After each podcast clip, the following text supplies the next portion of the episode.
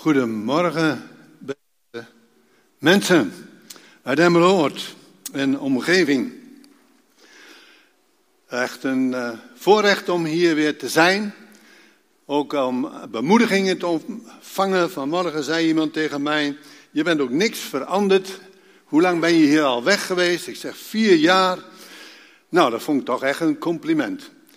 En er was nog iemand anders die dat zei. Tenminste, dat dacht ik dat hij dat zei. En toen zei ik, nou, dit is al het tweede compliment. Oh ja, zegt die persoon. Ja, ik zeg uh, dat ik niks veranderd ben. Nee, zegt ze, ik bedoelde het in algemene zin. Dus die zag toch wat anders, denk ik. Maar in ieder geval, goed om hier in uw midden te zijn. En zoals gezegd, uh, vier, jaar, vier jaar geleden zijn we naar de wijk getrokken. En Alweer 34 jaar geleden kwamen wij in Emmeloord wonen, in 1987. Ook ontstond deze gemeente toen. Wel onder de naam Onafhankelijke Baptistengemeente, maar ja, onafhankelijk van God kun je toch niet zeggen. Dus daar hebben we maar een andere naam aan toegegeven als gemeente. De Vrije Baptisten de Fontein. En als we het gaan hebben over vanaf de grondlegging, dan bedoel ik niet vanaf de grondlegging vanaf de Baptistengemeente in 1987, maar hopen we wat verder terug te grijpen. En allereerst de schriftlezing. In Matthäus 13, vers 35 staat: Ik zal over dingen spreken die verborgen waren vanaf de grondlegging der wereld. En dan lezen we een stukje uit Matthäus 25, vers 31 tot en met 34. Wanneer de zoon des mensen komen zal in zijn heerlijkheid en al de heilige engelen met hem, dan zal hij zitten op de troon van zijn heerlijkheid. En voor hem zullen al de volken bijeengebracht worden. En hij zal ze van elkaar scheiden zoals de herder de schapen van de bokken scheidt. En hij zal de schapen aan zijn rechterhand zetten, maar de bokken aan zijn linkerkant. Dan zal de koning zeggen tegen hen die aan zijn rechterhand zijn: Kom, gezegenden van mijn vader, beërf het koninkrijk dat voor u bestemd is vanaf de grondlegging der wereld. En als we het hebben over grondlegging, dan heeft het alles te maken met de basis leggen, het fundament leggen. En bouw je een huis bijvoorbeeld, op de Veluwe opgegroeid zijnde, was ik niet bekend met dat je heipalen sloeg. Maar hier in de polder, ja, daar moet je eerst heipalen slaan vanwege de ondergrond hier. En dit is een foto van een huis in Jemen heb je veel huizen, die zijn op een rots gebouwd. Daar hoef je echt niet de grond in te graven. Daar hoef je echt geen heipalen te slaan. Hoe is het met het fundament van ons geloof? Waar hebben wij ons geloof op gebouwd? Zoals jullie weten ben ik betrokken bij de Kairos-cursus. En een van de eerste lessen wordt de vraag gesteld: is het voldoende om te zeggen dat zending een solide bijbelse grond heeft? En als wij die Kairos-cursus geven, dan krijgen we al gauw de opmerking van: oh, dit is een zendingscursus. Ik wilde de Bijbel bestuderen. Is het voldoende te zeggen dat zending een solide bijbelse grond heeft? Want die vraag die gesteld wordt in die eerste les, die zegt, of is het juister om te zeggen, vindt de Bijbel zijn oorsprong in zending? Ik ga nu op een andere, uh, andere versnelling even, niet qua snelheid, maar dan de Kairos-cursus. Want toen ik daar zelf verder over ging nadenken, toen kwam er in gedachten die woorden vanaf de grondlegging. vanaf de grondlegging. En tien keer in de Bijbel wordt het woord grondlegging en dan vijf keer erbij van de grondlegging of vanaf de grondlegging gebruikt. Vijf keer komt dat in de Bijbel voor van, maar samen met ook straks een ander woord dat we gaan bekijken dat gebruikt wordt met de grondlegging. Tien keer komt dat naar voren. En zoals al gezegd, het is heel belangrijk om, het, om een goed fundament te hebben. En wie begon er met deze woorden in de Bijbel te gebruiken? Dat was Jezus zelf. In Matthäus 13, vers 35. En daar staat dat Jezus sprak in gelijkenissen. Heel veel gelijkenissen had hij hier al uh, verteld in hoofdstuk 13. En dan staat er, Jezus sprak over dingen die verborgen waren van de grondlegging der wereld.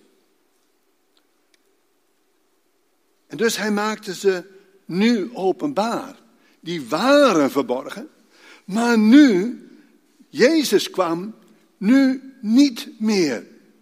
En dan hebben we een stuk gelezen uit Matthäus 25 over de schapen en de bokken. En Jezus zei, wie ter linkerhand of rechterhand gezeten zal zijn, is bestemd, zijn, is bestemd al vanaf de grondlegging der wereld. En Jezus noemt dit het beërven van het koninkrijk. Alles te maken dus met onze redding. Het volgende voorbeeld dat Jezus noemt, waar hij dan ook zegt van de grondlegging der wereld, dan zegt hij in Lucas 11, de wijsheid van God zegt, ik stuur apostelen en profeten, sommigen zullen vervolgd worden, sommigen zullen gedood worden. Dus het overkomt hen niet in die zin van per ongeluk, het was niet zo bedoeld.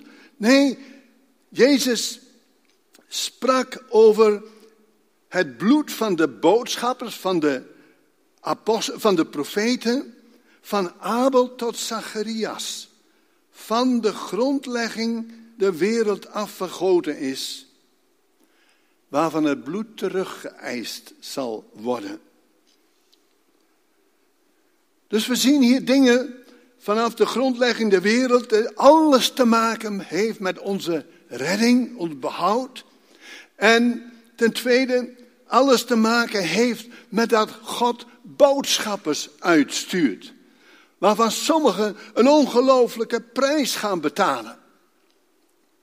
En ik wil een voorbeeld noemen.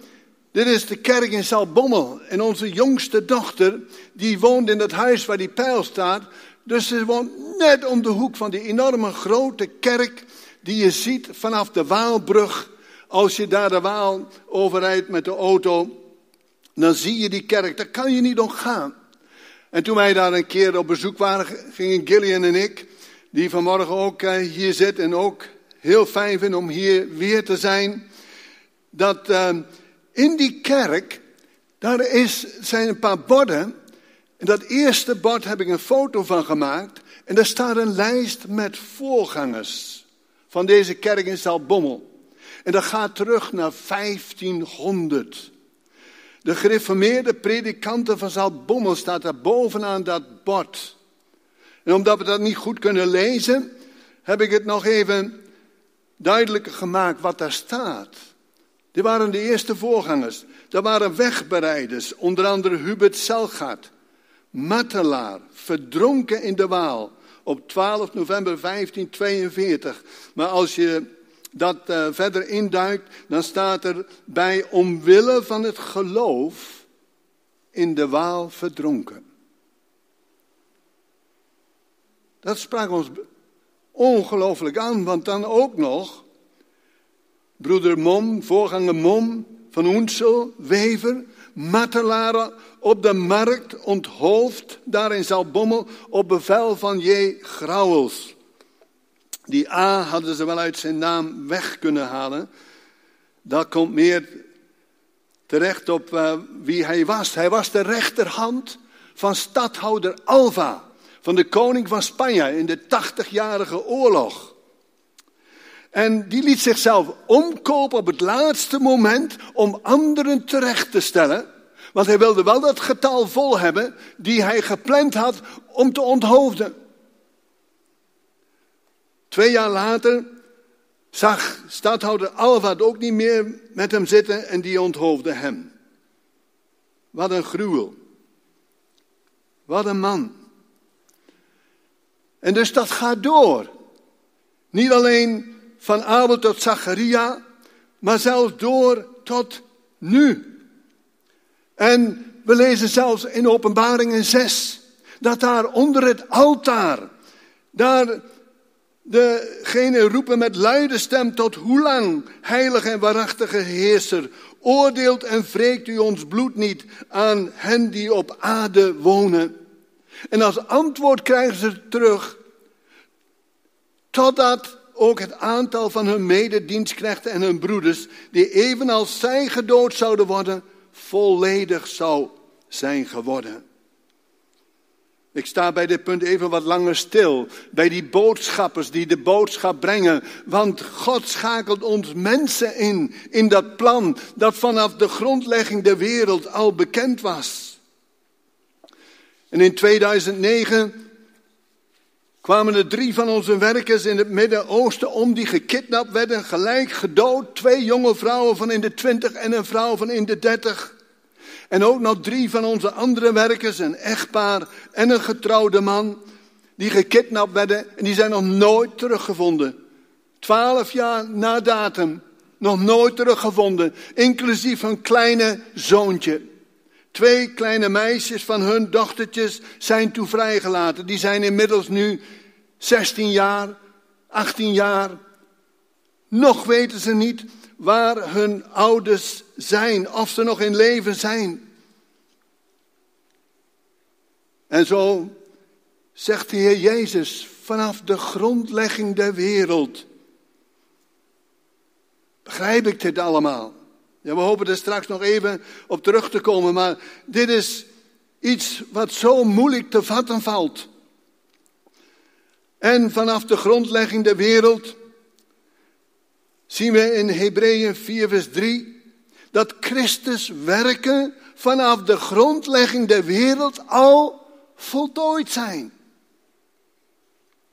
Want Hebreeën 9, vers 26 zegt, want anders had Jezus verschillende keren moeten lijden.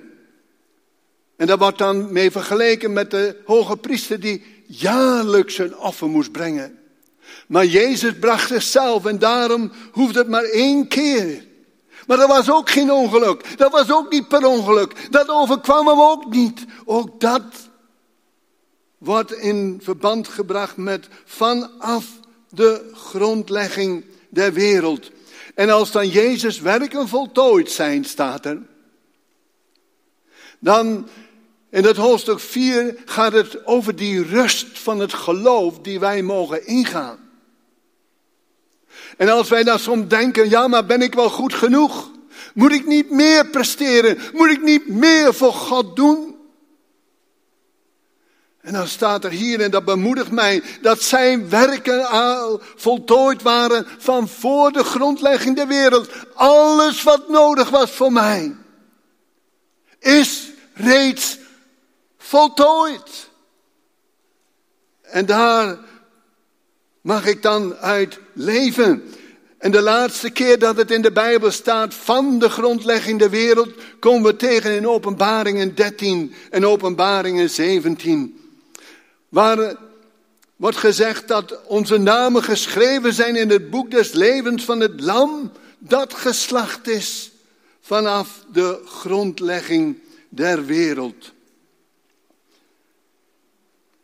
Ook dat is niet per ongeluk. Ook dat mogen wij weten dat God alles onder controle heeft. En als we die vijf dan even opsommen, Dat wat verborgen was, wordt openbaar.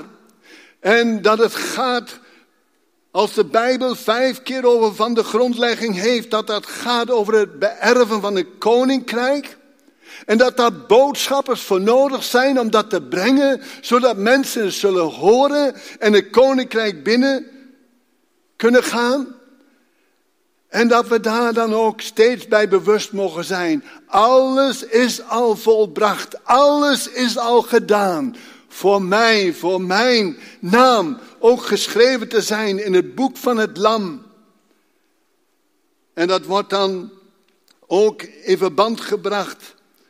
Dat het bloed van het Lam voor ons geslacht. Dat dat al bekend was. Als we dan hebben over het woord grondlegging.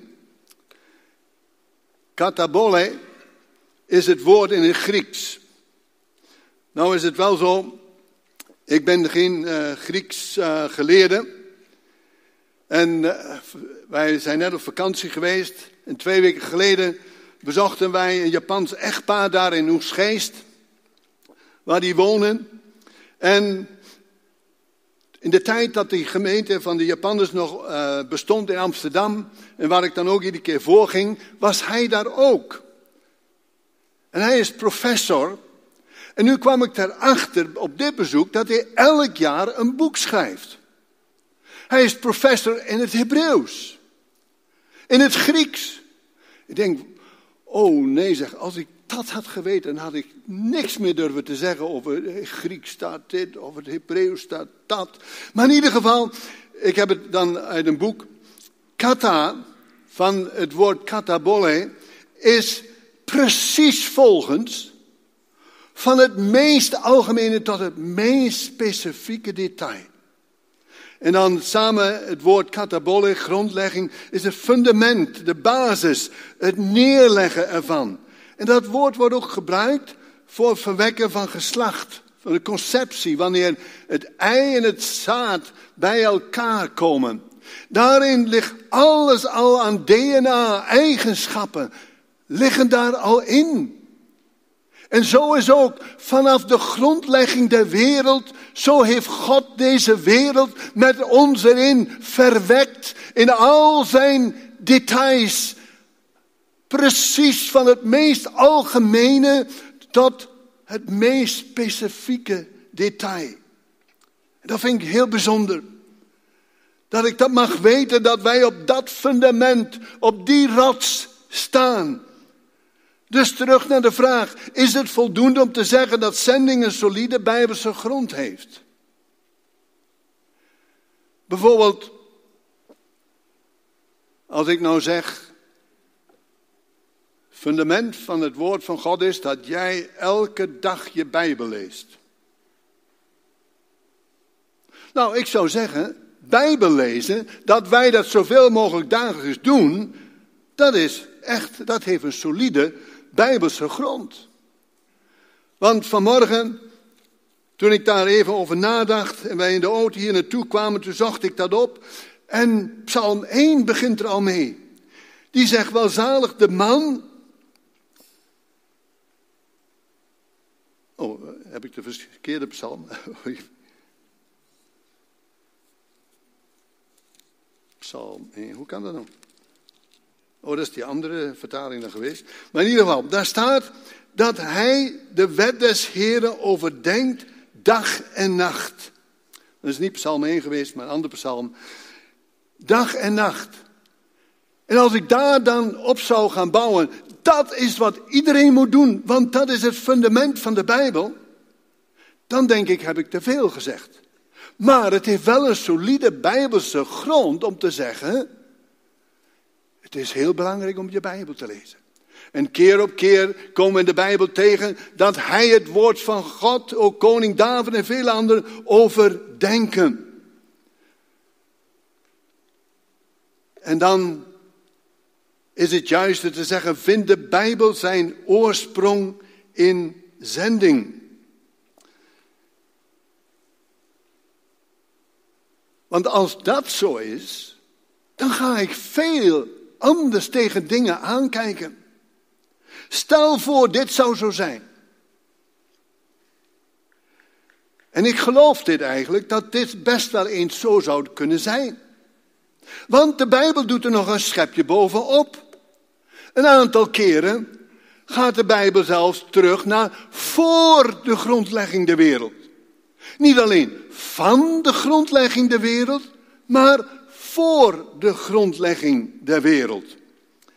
En is de Heer Jezus weer de, eerste die daar mee begint in het Nieuwe Testament, in het hoge priestelijk gebed. Wanneer hij het heeft over de liefde van God, omdat u mij hebt liefgehad voor de grondlegging der wereld. Staat in Johannes 17, vers 24. En dan in vers 23 zegt hij dat hij ook ons heeft liefgehad zoals u, God, mij hebt liefgehad. Dus diezelfde liefde tussen de drie-eenheid, tussen God en Jezus. Diezelfde liefde, daarmee heeft God ons lief, heeft Jezus ons lief vanaf de grondlegging. Nee, voor, zelfs voor, vanaf voor de grondlegging der wereld. En ten tweede, de apostel Paulus gebruikt het ook. Voor de grondlegging der wereld zijn wij al uitverkoren. Uitverkoren in Hem staat erbij. In Christus. En wie tot Hem komt, zal Hij geen zins uitwerpen. En dan Petrus, de apostel Petrus gebruikt het. Hij zegt voor de grondlegging der wereld. En dan haalt hij ook aan van het kostbare, dierbare bloed van Jezus. Ook dat Jezus zou sterven, voor ons aan de kruis zou gaan, was bekend van voor de grondlegging der wereld. Dus als we dan kijken naar die drie voor de grondlegging der wereld, ten eerste Gods liefde voor ons heeft God al verklaard. Ook toen. Ten tweede, wij zijn uitverkoren in Hem, in Christus. En het kostbare bloed van Christus is voor ons bestemd en dat Hij, Christus, werd uitgekozen voor de grondlegging der wereld. Het uitgekozen in hem was voor de grondleggende wereld, maar ook het uitgekozen worden van Christus zelf was voor de grondlegging der wereld. En als we het woord voor hier zien, dan in het Grieks betekent dat voor of zelfs vroeger dan. Dus voor de grondlegging der wereld, dat is geen verzinsel van de apostelen. Jezus bad het zelf in het hoge priestelijk gebed. En als er iets wel geïnspireerd moet zijn, dan moet het wel het gebed van Jezus zelf zijn, als Hij dit uitspreekt.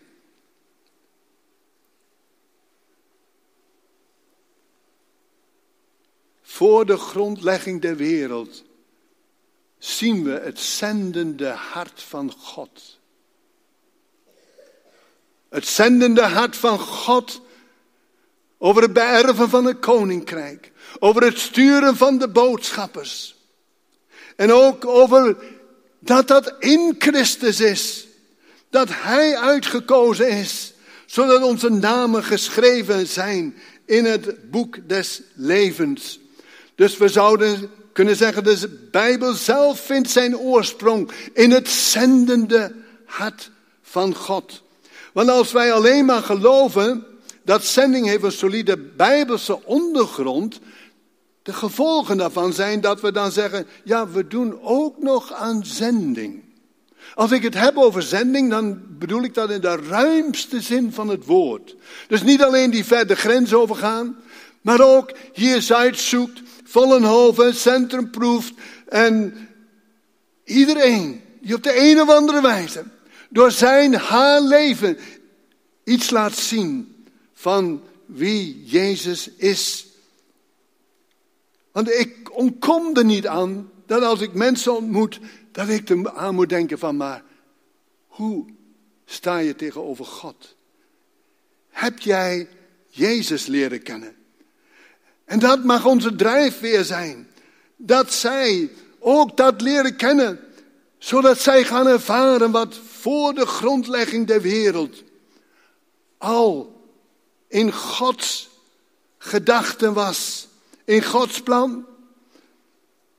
Of zeggen we, ja, de begroting van onze gemeente heeft ruimte, ja of nee. Daar aan de hand bepalen we wel of we daarmee bezig zijn. Of eerst de bouwplannen moeten gedaan worden. Zoals een van onze werkers overkwam. Die zat ver weg en de volgende maand kreeg ze niks meer. Toen ons kantoor belde naar die gemeente, die zei, ja, we gaan een nieuw gebouw bouwen. Dus zonder haar te laten weten, van de een op andere maand gingen de bouwplannen voor. Of anderen zeggen, God heeft iedereen toch lief, dus waarom maak je je zo druk? Als het toch al van de grondlegging, voor de grondlegging der wereld, al bekend is, wat heb ik dan, wat hoef ik dan nog te doen?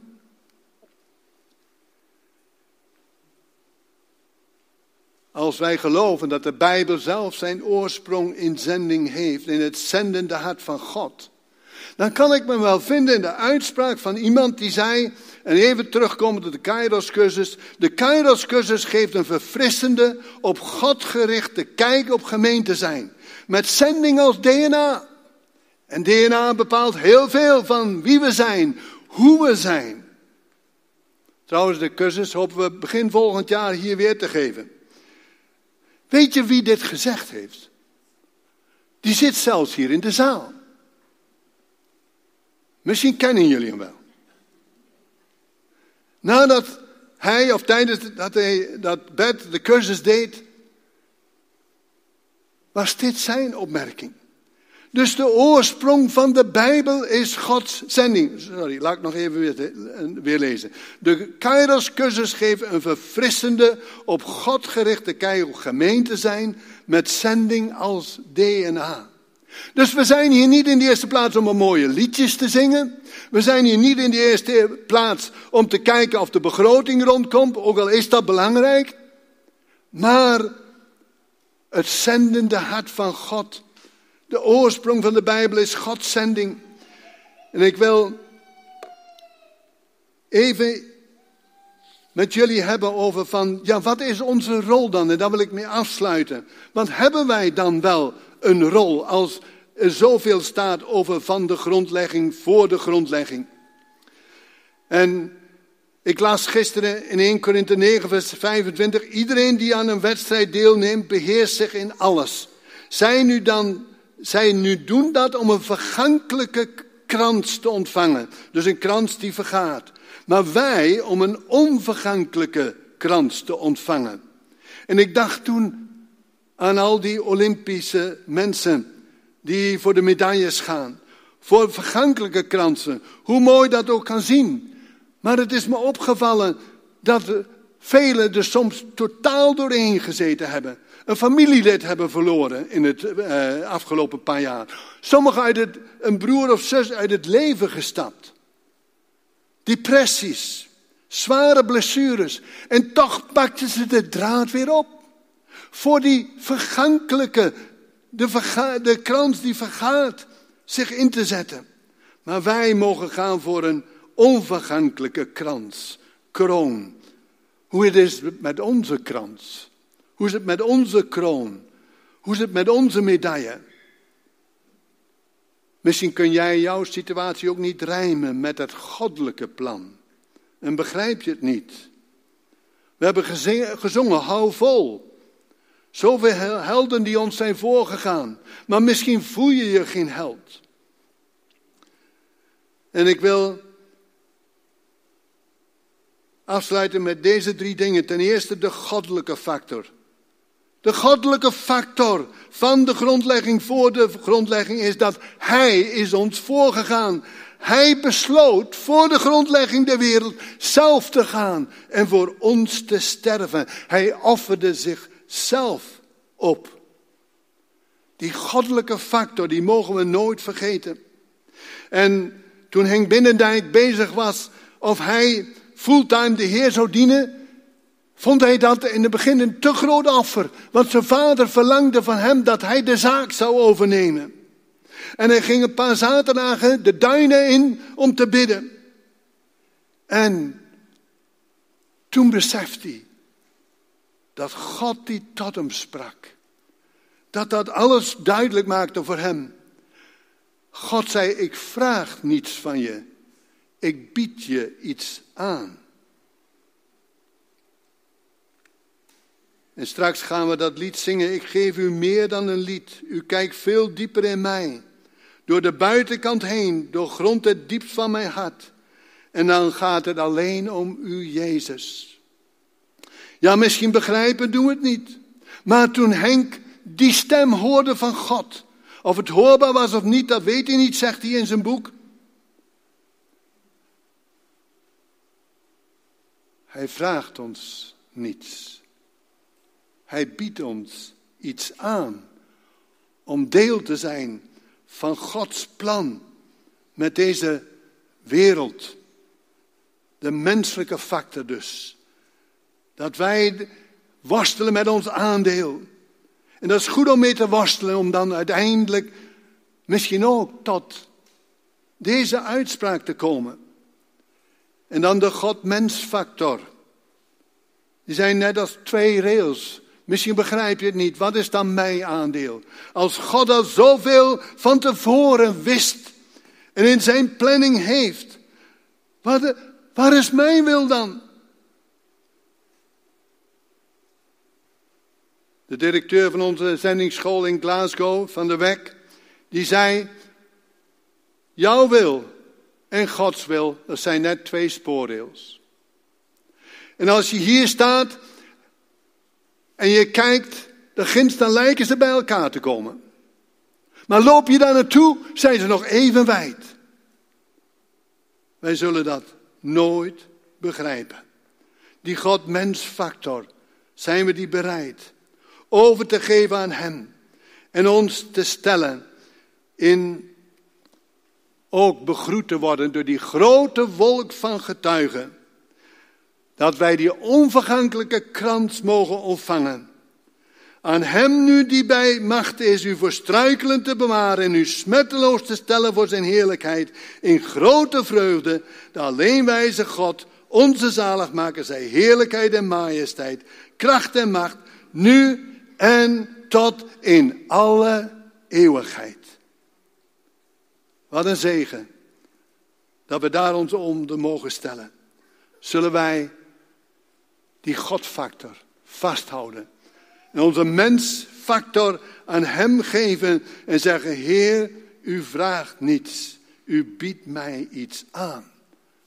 Ook in jouw situatie, in mijn situatie. Halleluja. Amen. Zullen we een ogenblik stil zijn en dan zal de muziekteam ons leiden in een lied. Heere God, wij danken u dat we even stil mogen worden voor u na al deze woorden.